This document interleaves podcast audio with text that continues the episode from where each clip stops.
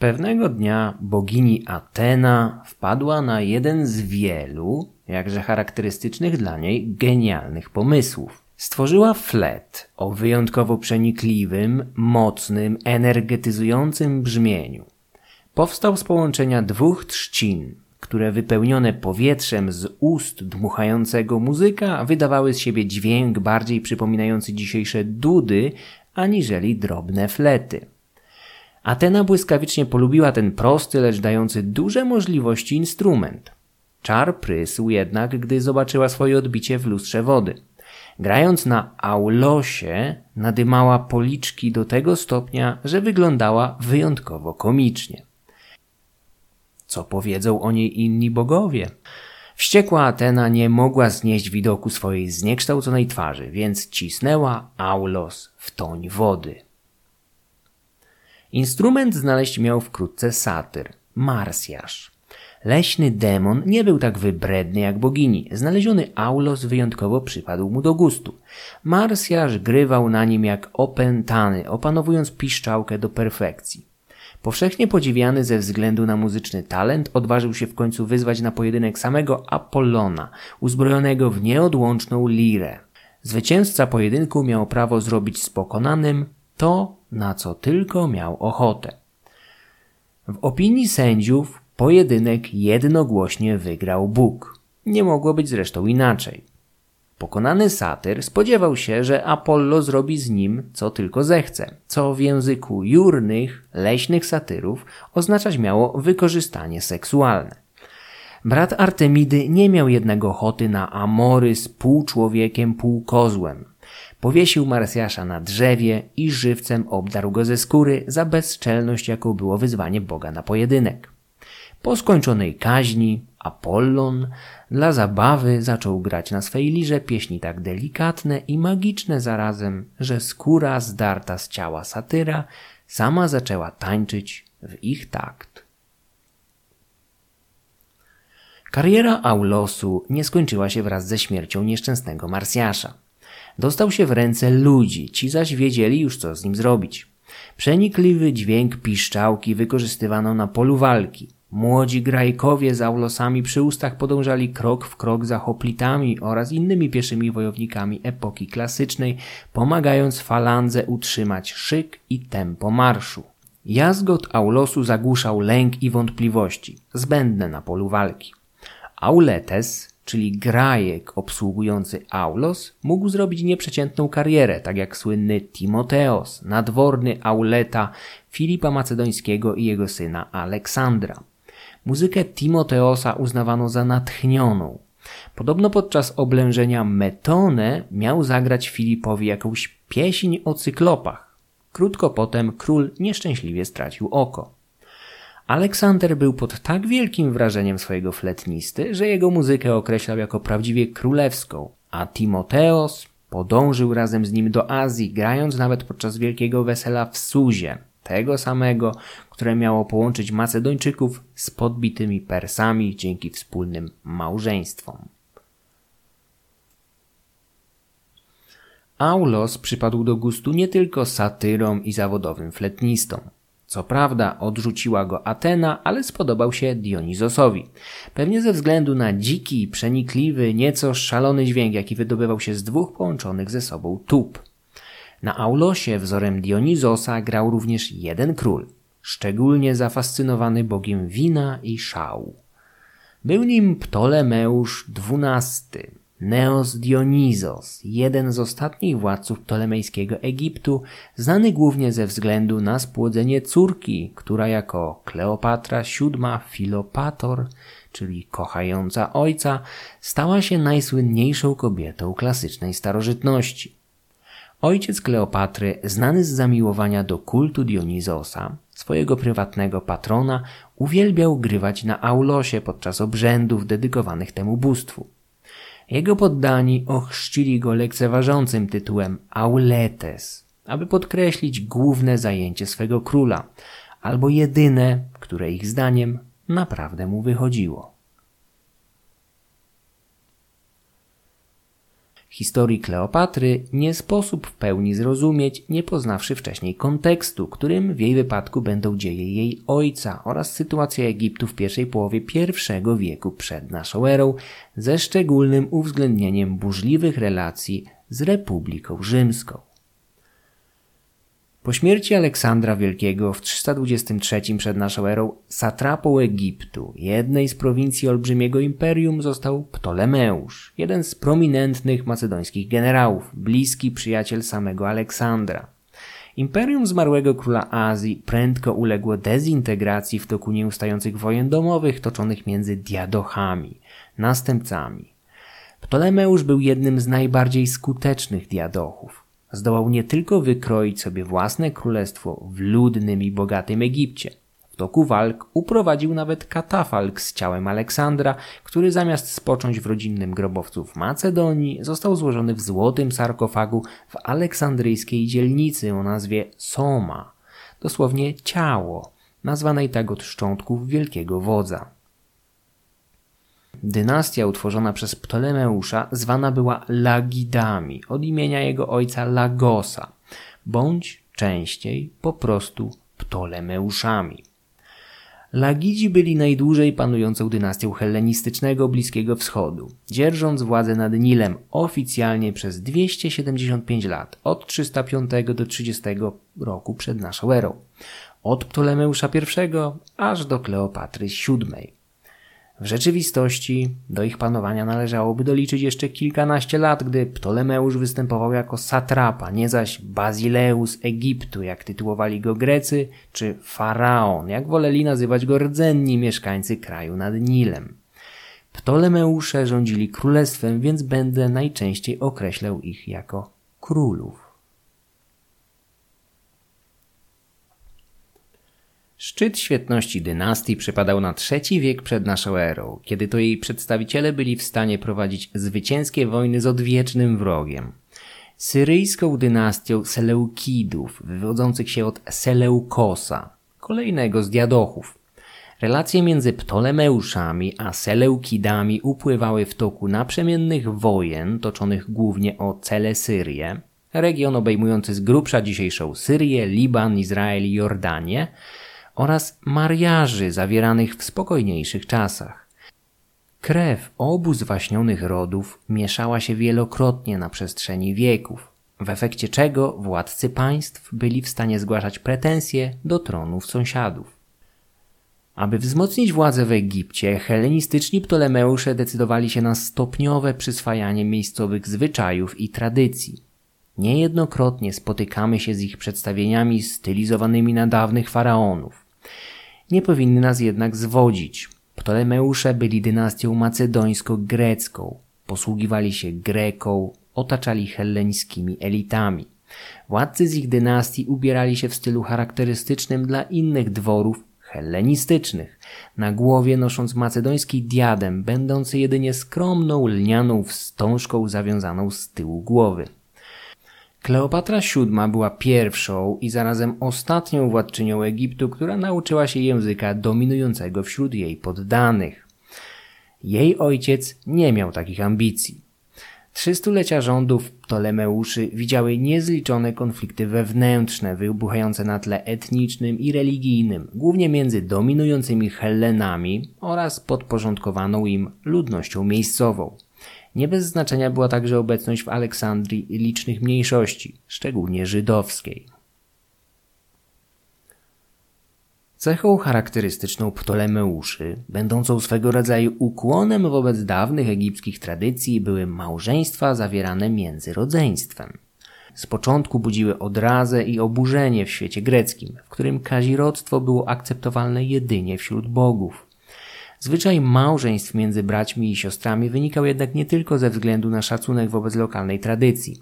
Podkreślał także niezależność i wyjątkowość dynastii i państwa.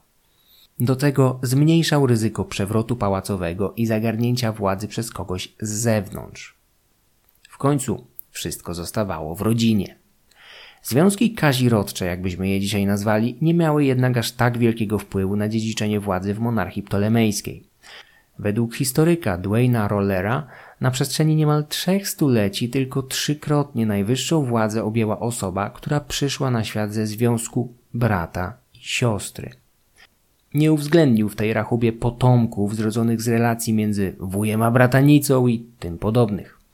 Do tego w przypadku niektórych Ptolemeuszy ustalenie ich faktycznych rodziców nie jest możliwe, stąd udział dzieci zrodzonych ze związków w bliskim pokrewieństwie mógł być jednak większy.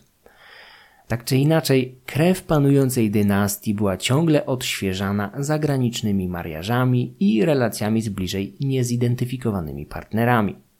Dzieckiem takiego związku z nieprawego łoża miał być sam Ptolemeusz Auletes, zwany czasami pogardliwie greckim terminem notos, bękart.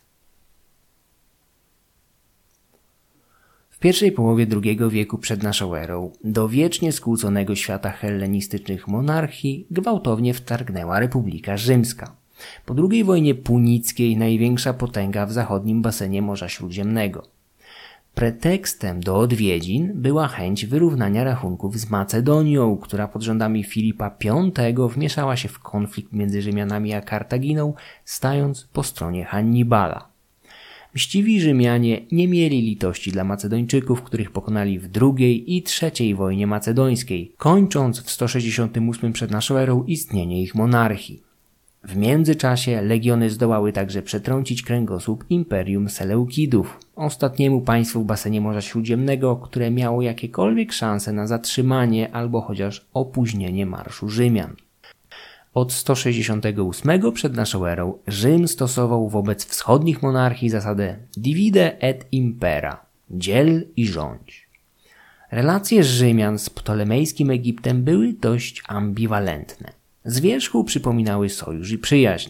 Republika kilkakrotnie interweniowała w interesie Ptolemeuszy, szczególnie podczas konfliktów z Seleukidami. Z biegiem lat wegetująca monarchia Lagidów stawała się w tej nierównej relacji coraz słabszym junior partnerem, w końcu zaś wasalem.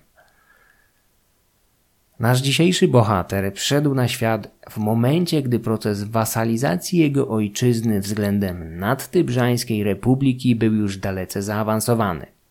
Był rok 117 przed naszą erą, według naszej obecnej rachuby czasu.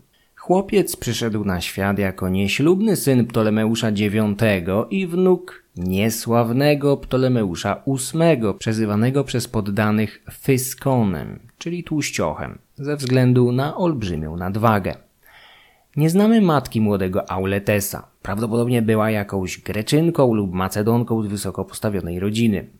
Przezwisko Benkarta zawsze będzie prześladowało przyszłego ojca Kleopatry. Nawet Cyceron w jednej ze swoich mów określi go tym terminem.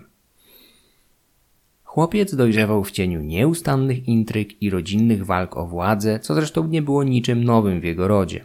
Jego dziad, Ptolemeusz VIII Fyskon, przez dekady walczył z własnym bratem Filometorem, a po jego śmierci ożenił się z jego żoną, a zarazem własną siostrą, Kleopatrą II. W dniu ślubu zamordował jej syna, swojego siostrzeńca i bratanka zarazem.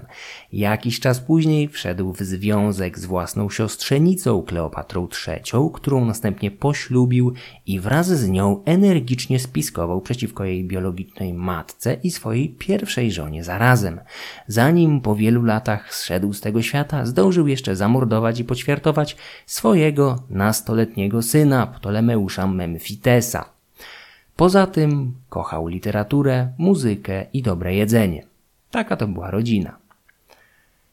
Ptolemeusz Auletes zdobył sobie swój przydomek znacznie później, ale będę używał go w stosunku do niego cały czas, aby łatwiej odróżnić go od innych męskich członków jego dynastii, którzy zgodnie z tradycją zawsze otrzymywali imię Ptolemeusz pamiątkę po założycielu dynastii.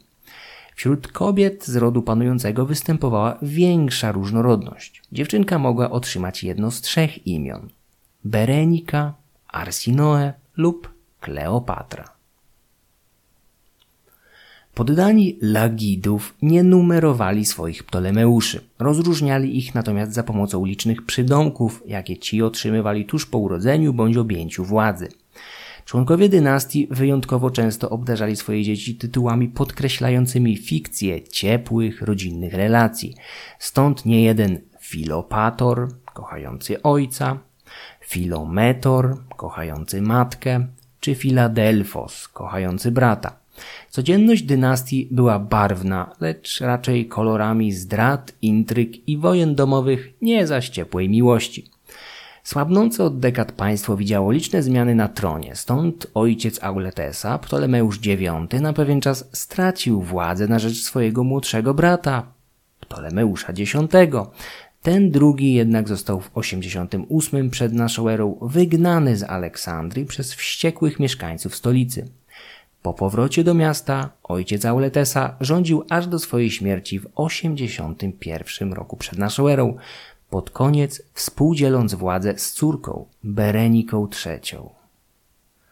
Wraz z jego zgonem powróciło jednak zamieszanie, a najlepiej obrazują to wydarzenia roku 81 przed naszą erą, w efekcie których do władzy doszedł Auletes. Berenika III objęła tron, ale rządy samotnej kobiety nie mogły zostać na dłuższą metę zaakceptowane ani przez poddanych, ani przez Rzymian rozdających karty w tej części świata. Czterdziestoletnia Berenika zgodziła się wyjść za mąż za swojego pasierba, dwudziestoparoletniego Ptolemeusza XI. Zdaniem historyka Appiana za mariażem stał rzymski dyktator Lucius Cornelius Sulla, opiekun młodego Ptolemeusza, którego starał się osadzić na tronie w Aleksandrii, aby mieć swojego uległego człowieka w tym istotnym strategicznie królestwie. 3 kwietnia 80 przed naszą erą młody Ptolemeusz XI objął tron i pojął za żonę niemal dwukrotnie starszą Berenikę. Małżeństwo było skrajnie niedopasowane i przetrwało zaledwie kilkanaście dni. Królowa została w tym czasie zgładzona na rozkaz małżonka, który nie docenił jednak nastrojów poddanych. Ci ostatni wpadli we wściekłość, gdy dowiedzieli się o zbrodni. Rozjuszony aleksandryjski motłoch dokonał udanego szturmu na pałac, zagnał swojego króla do gimnazjonu, gdzie dopełnił się jego los. Ptolemeusz XI, Aleksander II został żywcem rozszarpany przez swoich poddanych. Rządził 19 dni. Gdy krew protegowanego Sulli wsiąkła już w piasek aleksandryjskiego gimnazjonu, a tłum zdołał się uspokoić w stolicy ptolemejskiej monarchii, zaczęto zadawać sobie ważkie pytania. Kto będzie teraz rządził? I skoro zabiliśmy władcę namaszczonego przez Rzym, to czy wybór innego zostanie zaakceptowany przez Senat z dalekiej Italii? Najlepszym kandydatem na objęcie tronu był 37-letni Benkart Ptolemeusza IX, noszący, rzecz niesłychana, to samo imię co jego ojciec. Nowy władca zbliżał się już do czterdziestki. Nie mógł jednak pochwalić się zbyt dużym doświadczeniem zawodowym. W młodości sprawował urząd kapłana w świątyni Aleksandra Wielkiego i dynastii Ptolemeuszy, których państwowa propaganda uważała za jego bliskich krewnych i prawowitych następców. Jako nastolatek, po wypędzeniu ojca z królestwa, musiał uciekać z Aleksandrii na grecką wyspę Kos, gdzie spędził kilkanaście lat. Tam przebywał również w 88 przed naszą erą, gdy na Kos wylądowali ludzie Mitrydatesa, wielkiego króla Pontu, ostatniego przed Kleopatrą władcy hellenistycznego wschodu, który rzucił wyzwanie Rzymowi. Młody Auletes znalazł się w niewoli króla znanego z zamiłowania do sztuki i okrucieństwa, znajomości licznych języków obcych oraz skłonności do rozwiązywania trudnych problemów za pomocą trucizny. Mitrydates nie zamierzał jednak zrobić młodzieńcowi i jego młodszemu bratu krzywdy. Wręcz przeciwnie. Zaręczył obu chłopców ze swoimi córkami, licząc na polityczne owoce tych mariaży. Władca Pontu liczył na zjednoczenie całego hellenistycznego wschodu pod własnym berłem. Widział w sobie następcę samego Aleksandra. Połączenie jego rosnącego królestwa z domenami Ptolemeuszy miało być pierwszym krokiem w kierunku budowy uniwersalnego wschodniego imperium, ciągnącego się od Krymu na północy aż po egipskie katarakty na południu. Król Pontu miał za sobą dwie wojny z Rzymem, które mocno nadwyrężyły jego potęgę. Pierwszą przegrał, druga była zaś krótkim, nierozstrzygniętym konfliktem. Być może ze względu na osłabienie jego pozycji, Auletes i jego brat zdołali się z czasem jakoś wydostać z rąk Mitrydatesa i znaleźć w Syrii, w której czekali na rozwój wydarzeń. Małżeństwo Auletesa z córką Mitrydatesa nie doszło nigdy do skutku, a król Pontu nigdy nie zdołał zrealizować swoich mocarstwowych ambicji. Po śmierci zamordowanego przez tłum Ptolemeusza XI lud aleksandryjski sam wysłał delegację do książąt i poprosił ich o powrót. Auletes wraz z młodszym bratem prędko pojawili się w Aleksandrii. Starszy z dwojga objął tron. Z braku innych opcji pod ręką, to Auletes został w kwietniu 80 przed naszą erą wybrany na władcę Egiptu, faraona i następcę swojego ojca. Egipcjanie postanowili udawać, że rządy Bereniki i Ptolemeusza XI, zakończone królobójstwem tego ostatniego, w ogóle nie miały miejsca. Stąd nowemu władcy dopisano do wysługi lat dodatkowe kilka miesięcy panowania. Nowy pan Egiptu lubił muzykę, śmiech i zabawę. W kwietniu 80 przed naszą erą nie miał jednak zbyt wielu powodów do radości. Zdawał sobie sprawę, że zajął tron należący do zamordowanego Ptolemeusza XI bez konsultacji z suwerenem z nad Tybru. Rzymianie mogli zapragnąć obsadzić na jego miejscu kogoś innego. Do tego w powietrzu wisiała kwestia domniemanego testamentu poprzednika, w którym w zamian za pomoc Rzymian miał on w spadku zapisać im swoje królestwo w przypadku bezpotomnej śmierci. W kwietniu 80 przed naszą erą Ptolemeusz XI zmarł, nie pozostawiając na świecie żadnych potomków. Istnienie jego domniemanego testamentu było owiane mgłą tajemnicy. Miał znajdować się gdzieś w Rzymie, być może w rękach Sulli. Jeżeli faktycznie taki dokument istniałby, to Rzymianie mogliby bez większych problemów powołać się na niego i żądać przekazania królestwa Ptolemeuszy w ręce ludu rzymskiego. Kilka dekad wcześniej w ten sam sposób republika weszła w posiadanie anatolijskiego królestwa Pergamonu, którego ostatni władca, Attalos III, zmarł w 133 przed naszą erą, bezpotomnie, zaś w pozostawionym testamencie przekazywał swoje królestwo republice. Dlaczego królowie hellenistyczni mieliby dobrowolnie zapisywać w testamentach swoje państwa razem z poddanymi Rzymianom? Wbrew pozorom było ku temu kilka rozsądnych powodów. Przede wszystkim taka donacja znacznie zmniejszała ryzyko zamachu na życie króla, przynajmniej bezdzietnego. Skoro już za życia ogłaszał, że w razie śmierci wszystko dostaną Rzymianie, to jaki byłby sens zabijania go? Dziadek Auletesa, Ptolemeusz VIII Fyskon, słynny tłuścioch, zabezpieczył się w ten sposób przed zamachami ze strony brata Filometora. Młody Fyskon sprawował władzę w dziedzicznej prowincji, Cyrenajce w dzisiejszej Libii, będąc kimś w rodzaju autonomicznego władcy prowincji oficjalnie pozostającej częścią królestwa Ptolemeuszy. Po nieudanym zamachu na swoje życie, o który Fyskon podejrzewał brata, Filometora, oficjalnie ogłosił testament oddający Cyrenajkę w razie jego śmierci w ręce Rzymu. Zamachy na jego życie nagle ustały. Testamenty tego typu mogły również zapewnić urzędującym królom przychylność Rzymu. Wielu z nich nie przejmowało się zupełnie przyszłością, interesowała ich jedynie teraźniejszość. Po nich mógł przyjść choćby potop. W 96 przed naszą erą umierający bezdzietnie Ptolemeusz Apion zapisał Rzymianom w swoim testamencie Cyrenajkę, prowincję, którą odziedziczył po ojcu, słynnym Fyskonie. Rzymianie zrealizowali testament dopiero w 74 przed naszą erą, 22 lata później przejmując władzę nad tymi ziemiami, czyniąc Cyrenajkę kolejną prowincją imperium. Nie wszystkie testamenty były w Rzymie mile widziane i egzekwowane. Nie każda donacja była warta zachodu, jakiego wymagało wchłonięcie darowizny na wschodnich krańcach Morza Śródziemnego, co mogło oznaczać głębsze wplątanie się w regionalną politykę i nowe wojny z kolejnymi sąsiadami. Istnienie testamentu Ptolemeusza XI zdawały się potwierdzać ruchy Rzymian tuż po jego śmierci. Mianowicie bez ceregieli przejęli pozostawiony przez niego za granicą majątek. Auletes miał prawo obawiać się, że zostanie pewnego dnia zdetronizowany, więc przez cztery lata po faktycznym objęciu władzy zwlekał z oficjalną koronacją, licząc na uzyskanie oficjalnej akceptacji Rzymu.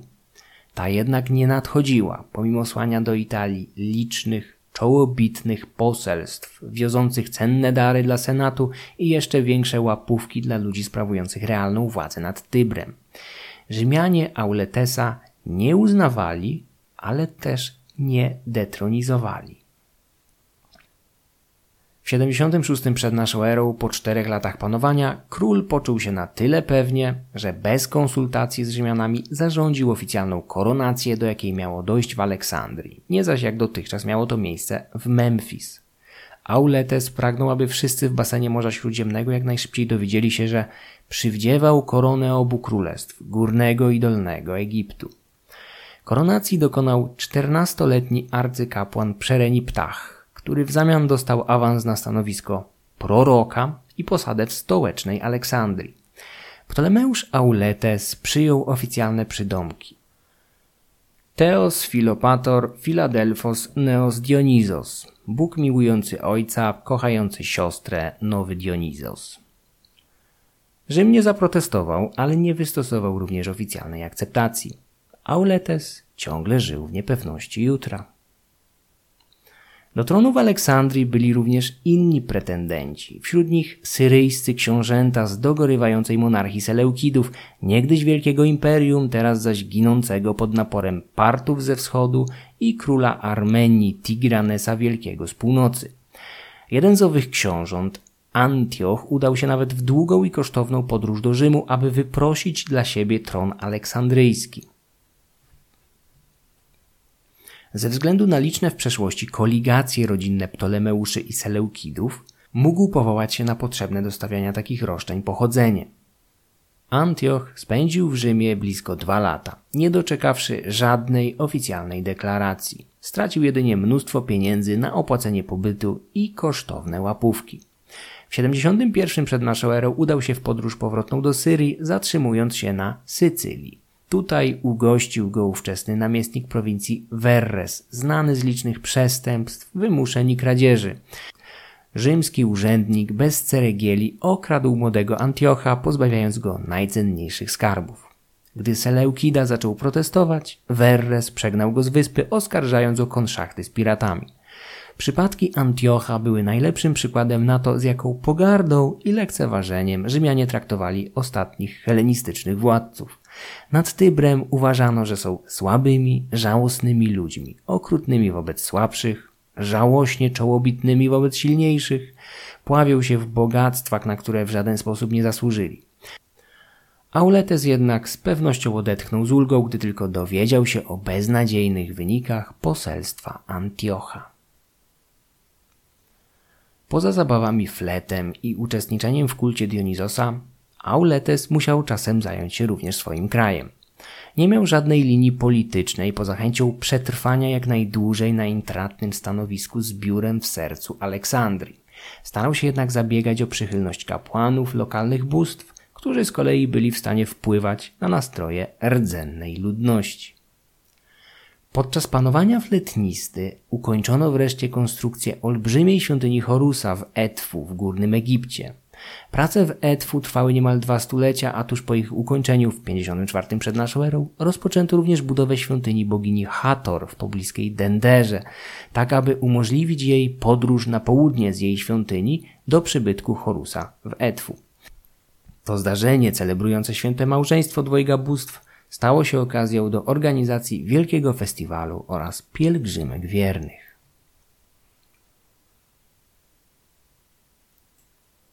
Państwo Ptolemeuszy było cieniem dawnej świetności. Cele Syria została dawno utracona, Cyrenajkę anektowali Rzymianie, na Cyprze zaś osadzono młodszego brata króla, również Ptolemeusza, tym razem z Cypru. Wyspa formalnie należała do królestwa, ale młodszy Ptolemeusz zarządzał nią niezależnie. Wydzielanie takich dzielnic dla młodszych braci czy krewnych panującego monarchy było w ptolemejskim Egipcie stałą praktyką mającą na celu rozładowywanie tak licznych napięć w obrębie tej rodziny. Auletes rządził Egiptem już 15 lat, starając się utrzymać jak najpoprawniejsze relacje z Rzymem, gdy nagle, w 65 przed naszą erą, do jego uszu doszła niepokojąca wiadomość. Dwaj prominentni rzymscy politycy, Marek Licyniusz Crassus i Gaius Juliusz Cezar, postawili przed Senatem wniosek aneksji Egiptu, którą sami byli chętni uczynić faktem. Powoływali się przy tym na wspomniany już testament Ptolemeusza XI, ten sam, o którym wszyscy mówili od 15 lat, ale nikt go nie widział na własne oczy. Wniosek popularów upadł na skutek oporu stronnictwa optymatów. Aneksja tak znacznego kraju jak Egipt przyniosłaby spore wpływy do budżetu, ale jeszcze większe do kieszeni przeprowadzających ją polityków. Crassus był prawdziwym krezusem, niedoścignionym mistrzem w pomnażaniu własnego majątku, zaś Cezar był nie tylko ambitnym politykiem, ale również wiecznie zadłużonym i uciekającym przed wierzycielami bankrutem. Aneksja Egiptu była obu bardzo na rękę. Rok później temat wchłonięcia tego kraju ponownie znalazł się podczas obrad Senatu, ale i tym razem optymaci z Cyceronem na czele utrącili sprawie łeb. Auletes mógł odetchnąć, a Egipcjanie dalej cieszyć się niepodległością, jakkolwiek iluzoryczna by nie była. Nie minął jednak rok, a elitom aleksandryjskim znowu zaczął palić się grunt pod nogami. Oto bowiem Pompejusz, zwany Wielkim, ostatecznie pokonał Mitrydatesa w trzeciej stoczonej z nim wojnie. Teraz rzymski wódz niczym Aleksander Wielki maszerował przez Bliski Wschód, obalając antyczne monarchie, dzieląc i rządząc, a przy tym tworząc nowe prowincje imperium. W 64 przed naszą erą ostatecznie zlikwidowano państwo Seleukidów, będące zresztą jedynie cieniem dawnej świetności. W 63 przed naszą erą Pompejusz wkroczył do Judei, pacyfikując opór tutejszych Żydów, a finalnie profanując także ich świątynię, do której wódz wmaszerował bezceremonialnie, nic nie robiąc sobie z uczuć religijnych pokonanych. Auletes zdawał sobie sprawę, że ta pompejańska epopeja może nie zakończyć się w Judei. Kto wie, czy wódz nie dostanie rozkazu, aby przedłużyć marsz do Egiptu? Aby uprzedzić fakty, Ptolemeusz zaczął czym prędzej słać Rzymianinowi drogocenne dary oraz wsparcie materialne i wojskowe jego armii. Przez wiele miesięcy miał utrzymywać rzymskie wojska okupacyjne w Judei, wydając na całe przedsięwzięcie niebagatelną sumę 4000 talentów. Podobno niewiele niższą niż roczny dochód jego państwa. Gorąco namawiał również Ptolemeusza do gościnnych odwiedzin w Aleksandrii. Rzymski wódz jednak roztropnie zlekceważył zaproszenie. Z jednej strony mógłby bowiem narazić się senatowi poprzez złamanie jego prerogatyw, a z drugiej takie odwiedziny oznaczałyby pośrednio uznanie władzy Auletesa. W interesie republiki było trzymanie go w ciągłej niepewności co do tej kwestii. Pomoc udzielona Pompejuszowi naraziła Ptolemeusza na niechęć, a z czasem nienawiść licznych żydowskich poddanych. Z kolei masa pieniędzy wypłacona na utrzymanie wojsk rzymskich spowodowała podniesienie podatków nad Nilem, a to z kolei gwałtownie zachwiało popularnością władcy. Sytuacja ekonomiczna państwa nie należała do najlepszych, ale Egipt ciągle uchodził za jedno z bogatszych królestw regionu. Żyzna dolina Nilu, zasilana obfitymi wylewami wielkiej rzeki, gwarantowała obfite plony nawet kilka razy do roku. Do tego dochodził dostęp do intratnego handlu na Oceanie Indyjskim, który Ptolemeusze rozwijali od kilku dekad. Osłabione państwo, obciążone ciągłymi trybutami na rzecz Rzymu, nie było jednak w stanie zainwestować wystarczającej ilości środków w rozwój handlu z Indiami. Pomimo tego Aleksandria uchodziła za największe miasto w całym basenie Morza Śródziemnego. W schyłkowym okresie rządów Auletesa w metropolii mieszkał historyk Diodor Sycylijski. Grek szacował liczbę wolnych mieszkańców stolicy Ptolemeuszy na 300 tysięcy osób. W liczbie tej nie uwzględniono wielu kobiet, cudzoziemców i przede wszystkim niewolników. Metropolia mogła liczyć wówczas nawet milion mieszkańców. Była to siła, z którą musieli liczyć się tutejsi władcy. Olbrzymi motłoch, wprawiony w gniew, a następnie pokierowany przez sprawnych demagogów, był w stanie obalić niepopularnego władcę, o czym w 80 przed naszą erą przekonał się dziewiętnastodniowy król Ptolemeusz, jedenasty tego imienia. Auletes musiał trzymać rękę na pulsie. Problemy jednak ciągle narastały. W 59 przed naszą erą, w 21 roku rządów króla, w wewnętrzne sprawy jego państwa znów wmieszał się Gajusz Juliusz Cezar, wówczas jeden z najpotężniejszych ludzi w Rzymie. Cezar, dotychczas dążący do aneksji Egiptu, zaproponował Auletesowi załatwienie w Senacie oficjalnego uznania jego władzy nad Nilem w zamian za niebotyczną łapówkę w wysokości 6 tysięcy talentów, zapewne dorównującą rocznym wpływom budżetowym całego kraju. Dobiegający sześćdziesiątki Auletes przystał na ofertę Cezara i wkrótce mógł cieszyć się uznaniem swojej władzy. Koszt przerzucono oczywiście na obywateli Egiptu, którzy w pocie czoła musieli pracować na opłacenie kolejnej olbrzymiej łapówki dla Rzymian. Paradoksalnie, pieniądze zebrane wówczas w Dolinie Nilu zostały wykorzystane przez Cezara do rozpoczęcia wojny galijskiej. Ptolemeusze, chcąc nie chcąc, sponsorowali więc podbój dalekiej Galii, z której mieszkańcami nigdy nie mieli żadnych konfliktów. Nie minął rok, a Rzymianie znowu wmieszali się w sprawy wewnętrzne Egiptu. Tym razem jednak obwieścili królowi, że zamierzają anektować Cypr, wyspę znajdującą się pod panowaniem Ptolemeuszy od czasów założyciela dynastii. W 58 przed naszą erą rządy na wyspie Afrodyty sprawował młodszy brat Auletesa. Aneksję Cypru przegłosowali popularzy, którzy, aby dodatkowo pognębić optymatów, wybrali Katona Młodszego na stanowisko szefa misji mającej na celu detronizację obecnego króla Cypru oraz zagarnięcie całego jego majątku. Katon udał się w podróż na wschód, a po przybyciu na wyspę zaoferował młodszemu bratu Auletesa jako rekompensatę pozycję kapłana Afrodyty w Efezie na otarcie łez. Młodszy Ptolemeusz odrzucił propozycję, a swoje upokorzenie rozwiązał w inny sposób. Iście rzymski. Niespodziewanie dla wszystkich popełnił samobójstwo. Tego było dla Aleksandryjczyków już za wiele. Lud stolicy powstał, wściekły na bierność Auletesa, który nawet nie starał się zapobiec utracie Cypru i śmierci młodszego brata. W ciągu ostatnich lat fletnista zapewnił sobie wrogość popularów krzywo patrzących na jego umizgi do Pompejusza, następnie Żydów wściekłych na pomoc w ujarzmianiu Judei przez Rzymian, a w końcu wszystkich egipskich patriotów, jakim trudno było przełknąć utratę Cypru i śmierć jej władcy. Protesty i zamieszki w mieście zmusiły króla do ucieczki na grecką wyspę Rodos, na której siedzibę miał wówczas Katon – Ucieczka Auletesa w 58 przed naszą erą wpisywała się w rodzinną tradycję. Jego ojca też raz wygnano z Aleksandrii, ale zdołał do niej powrócić. Obecny król bez ziemi również liczył na to w przyszłości. Kto zastąpił go na tronie? W tym miejscu warto poznać rodzinę, a szczególnie potomstwo fletnisty, ponieważ to właśnie jego dorastające dzieci zaczynają odgrywać coraz większą rolę w tej opowieści. Ptolemeusz tuż po objęciu władzy ożenił się z Kleopatrą V, noszącą przydomek Tryfajna, która zapewne była jego siostrą. Zdania w tej materii są podzielone, a rozbieżności wynikają z luki w źródłach z tamtego okresu. Kleopatra V była małżonką Auletesa i współwładczynią przynajmniej przez kilka lat, ale już w latach 69-68 przed naszą erą znika ona ze źródeł. Nie wiadomo, czy już wówczas zmarła, być może podczas porodu, czy też doszło do rozwodu. Niektórzy badacze dopuszczają prawdopodobieństwo, że żyła jeszcze nawet dekadę i to ona jest Kleopatrą VI Tryfajną, utożsamianą czasami z jedną ze starszych córek Auletesa.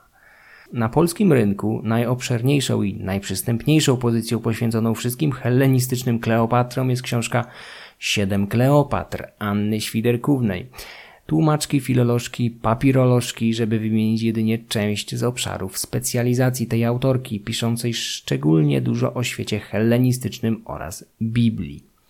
Profesor Świderkówna jest zdania, że Kleopatra V była siostrą Auletesa, co zresztą potwierdzają tytuły przyjęte przez oboje podczas ślubu, kochający siostrę i kochająca brata. Anna Świderkówna przypuszcza, że Kleopatra V mogła być matką wszystkich sześciu dzieci Auletesa, ale nie ma w tej kwestii pewności.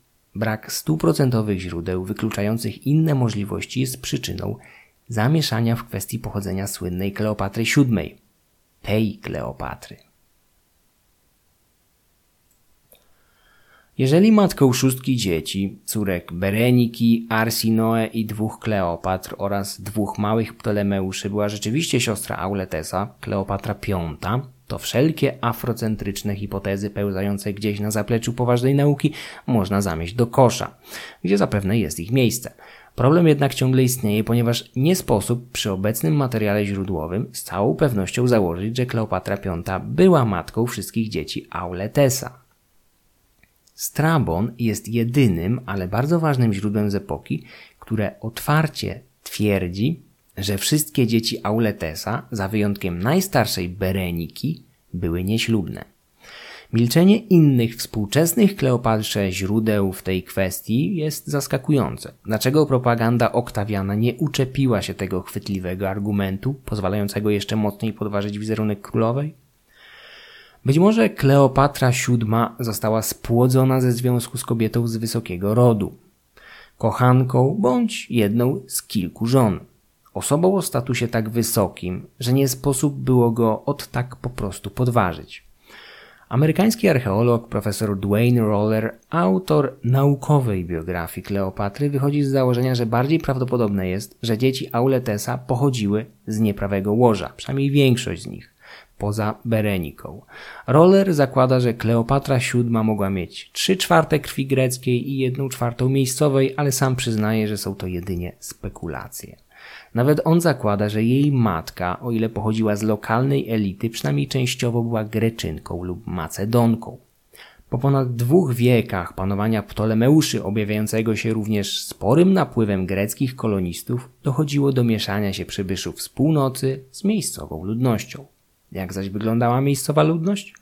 Jeżeli jesteśmy przy kolorze skóry, tak często wykorzystywanym ostatnio we wszelkich sporach pomiędzy różnymi aktywistami, to Egipcjanie 2000 lat temu wcale nie różnili się od tych żyjących nad Nilem obecnie. Z okresu panowania Rzymian, jaki rozpoczął się tuż po śmierci Kleopatry VII w 30 roku przed naszą erą, pochodzą liczne, niesamowicie realistyczne portrety zmarłych Egipcjan, sporządzane na przestrzeni czterech stuleci.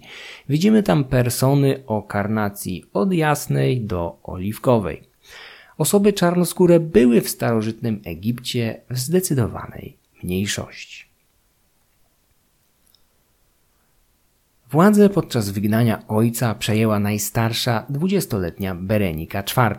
Młoda księżniczka prędko starała się wzmocnić władzę, szukając małżonka królewskiej krwi. W krótkim czasie Berenika znalazła czterech kandydatów. Za dwóch nawet wyszła za mąż. Pierwszym z czterech był jakiś książę z odległej gałęzi upadłej syryjskiej dynastii Seleukidów, ale biedak zmarł w trakcie pertraktacji małżeńskich. Drugi kandydat, Filip, pochodzący z tego samego źródła, uzgodnił warunki małżeństwa, ale na wyjazd do Egiptu i objęcie tronu Ptolemeuszy nie pozwolił mu rzymski namiestnik Syrii, Gabiniusz.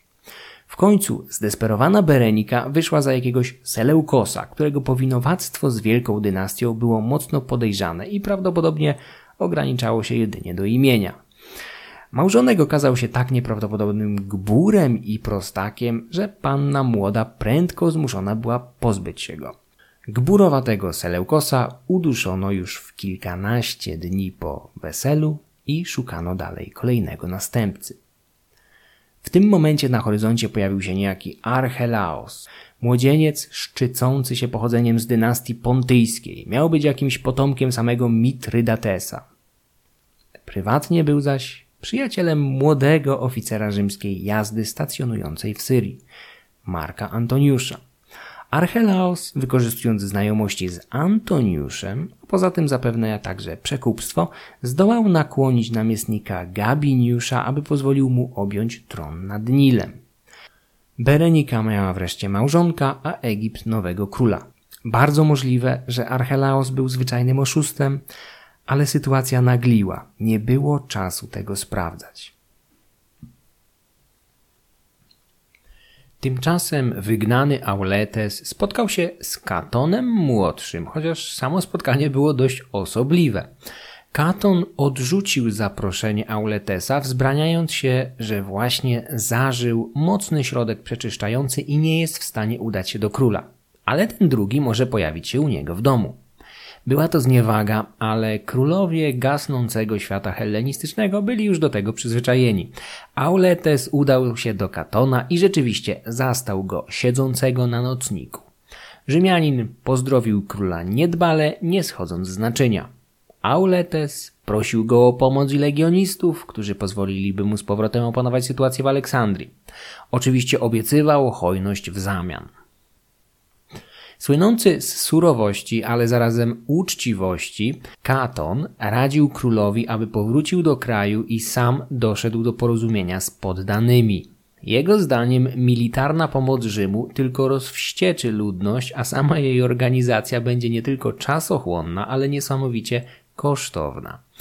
Katon zdawał sobie sprawę, jak przekupne są rzymskie elity. Ostrzegał Auletesa przed ruiną. Fletnista nie zamierzał jednak posłuchać i wkrótce udał się do Rzymu, gdzie uroczyście przyjął go sam Pompejusz. Rzymski wódz przekazał Auletesowi jedną ze swoich willi. W otoczeniu szastającego złotem króla prędko pojawiło się wielu Rzymian obiecujących pomoc. Auletes spędził na wygnaniu kilka lat. Najpierw w Italii, a później w Efezie, gdzie przebywał w świątyni Afrodyty, tej samej, w której Rzymianie chcieli umieścić jego zdetronizowanego brata. Zapasy złota wywiezione z Egiptu prędko skończyły się, ale sprawa króla wydawała się na tyle obiecująca, że prędko pojawili się rzymscy lichwiarze z Rabiriuszem Postumusem na czele, pożyczający mu olbrzymie kwoty pod zastaw odzyskanej władzy w przyszłości. Aleksandryjczycy tymczasem przyzwyczajali się do rządów Bereniki i Archelaosa, jednak gdy tylko usłyszeli o italskich knowaniach byłego króla, wysłali do Rzymu olbrzymią delegację liczącą przynajmniej stu ludzi pod przewodnictwem filozofa Diona.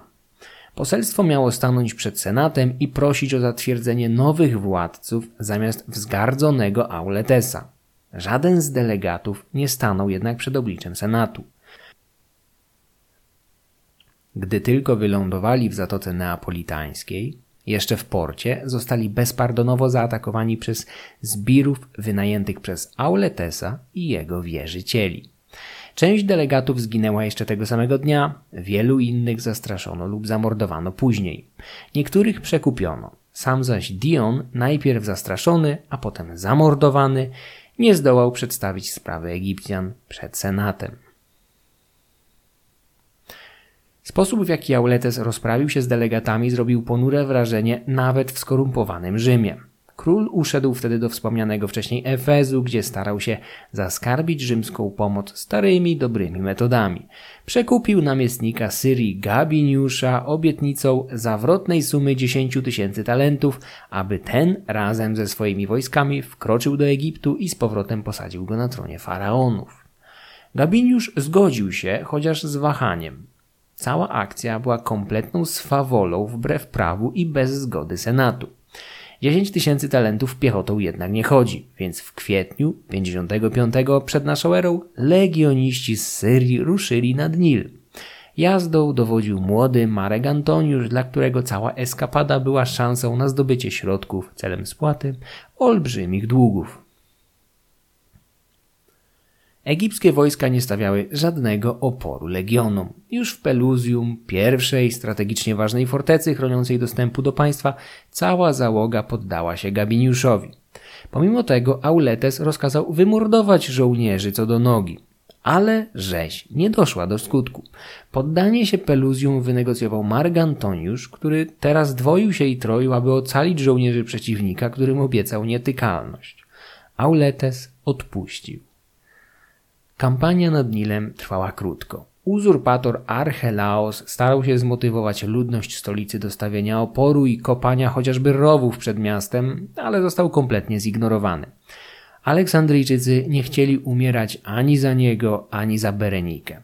Mąż tej ostatniej zginął podczas potyczki pod murami miasta, a jego ciało z honorami spalił Marek Antoniusz, prywatnie przyjaciel zabitego. Stojąc nad jego stosem pogrzebowym, zapewne nie zdawał sobie sprawy, że za równe 25 lat jego zwłoki będą płonąć mniej więcej w tym samym miejscu. Gabiniusz wkroczył do Aleksandrii, osadzając na jej tronie Auletesa.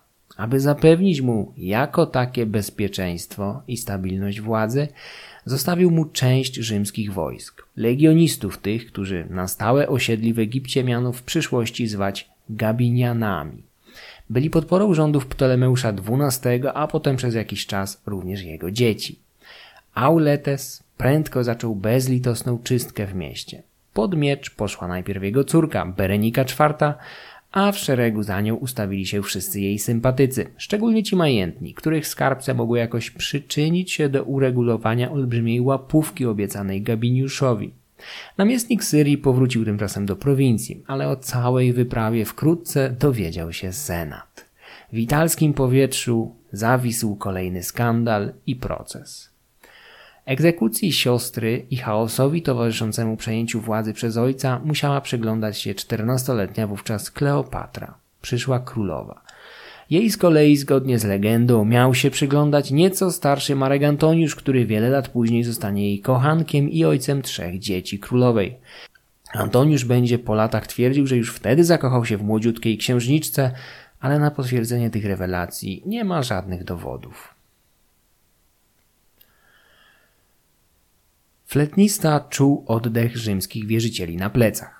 Aby ich zaspokoić, uciekł się do przetopienia złotego sarkofagu Aleksandra Wielkiego. W końcu Macedończyk nie żył już od niemal trzech wieków i mógł zadowolić się czymś skromniejszym. To jednak nie wystarczyło. Główny wierzyciel króla, Rabiriusz Postumus, został więc mianowany Dioiketesem, ptolemejskim ministrem finansów.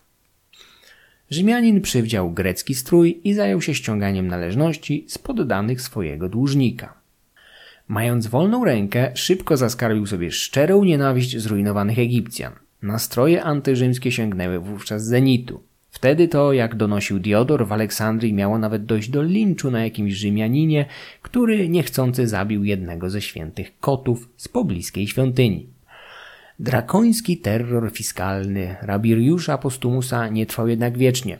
Pewnego dnia w jego siedzibie zupełnie niespodziewanie pojawili się ludzie króla. Nie zważając na tłumaczenia, zarekwirowali większość zgromadzonych przez Rzymianina funduszy, a jego samego razem z współpracownikami wtrącili do lochu, gdzie w uwłaczających warunkach spędził jakiś czas.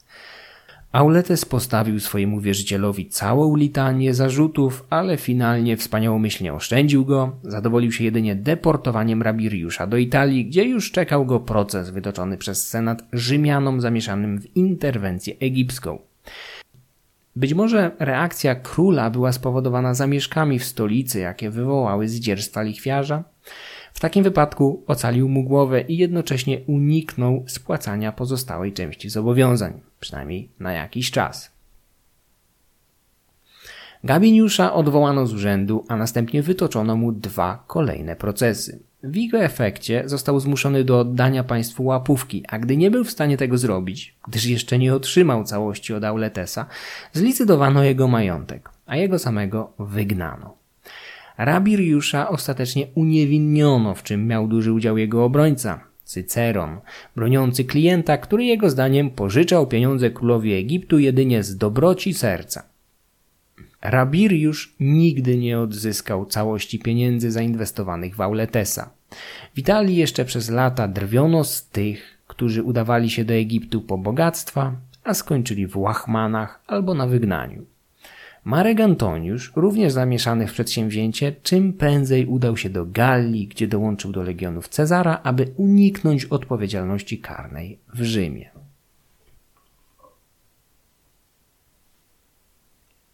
Auletes musiał poczuć się wystarczająco mocno, aby obrócić się plecami do wierzycieli i postąpić z nimi tak obcesowo. Lata później, gdy Juliusz Cezar pojawi się nad Nilem w pościgu za Pompejuszem, będzie dopominał się od dzieci fletnisty o kilkanaście milionów drachm zaległego długu. Ostateczna skala zobowiązań, jakie zaciągnął u Rzymian król Egiptu, nie jest jednak znana. W 55 przed naszą erą Ptolemeusz XII odzyskał tron, ale nie nacieszył się nim długo. Miał już ponad 60 lat na karku. Niecałe 4 lata później, w pierwszej połowie 51 roku przed naszą erą, po basenie Morza Śródziemnego zaczęła lotem błyskawicy rozchodzić się wiadomość o jego śmierci. Na tronie zastąpiła go dwójka dzieci. 11-letni Ptolemeusz XIII oraz jego siostra i małżonka, 17-letnia Kleopatra VII. Ich losy miały być co najmniej tak samo dramatyczne jak koleje życia ich ojca. Zmarły król był zgodnie potępiany i pogardzany tak przez Egipcjan jak wielu Rzymian. Zarzucano mu okrucieństwo, zamiłowanie do zbytku i rozrzutności, wreszcie wierno poddańczą uległość wobec Rzymu i doprowadzenie kraju nad przepaść gospodarczą. Jedynym, co w Auletesie budziło jakąkolwiek sympatię, była jego miłość do piszczałki, Aulosu. Aleksander Krawczuk w swojej biografii ostatnich Ptolemeuszy stara się pozostawić zmarłemu nieco łagodniejsze epitafium. W końcu król ten żył w takich czasach, gdzie być może rozsądne było schowanie własnych ambicji i zadowolenie się bardziej przyziemnymi przyjemnościami, takimi jak choćby ten nieszczęsny Aulos. Dominacja Rzymu w basenie Morza Śródziemnego była wówczas bezapelacyjna i tylko kwestią czasu było, kiedy zaborcza republika wysunie pretensje do cennego Egiptu. Rzymianie mogli to zrobić już wcześniej, ale ciągła walka stronnictw, optymatów i popularów blokowała wszelkie energiczniejsze inicjatywy w tym kierunku.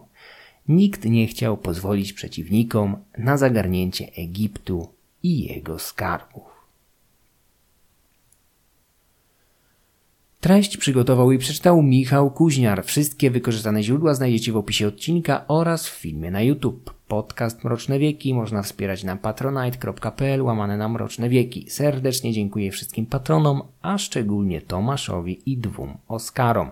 Filmy będące ekranizacją audycji można oglądać i komentować na YouTube, do czego wszystkich serdecznie zachęcam.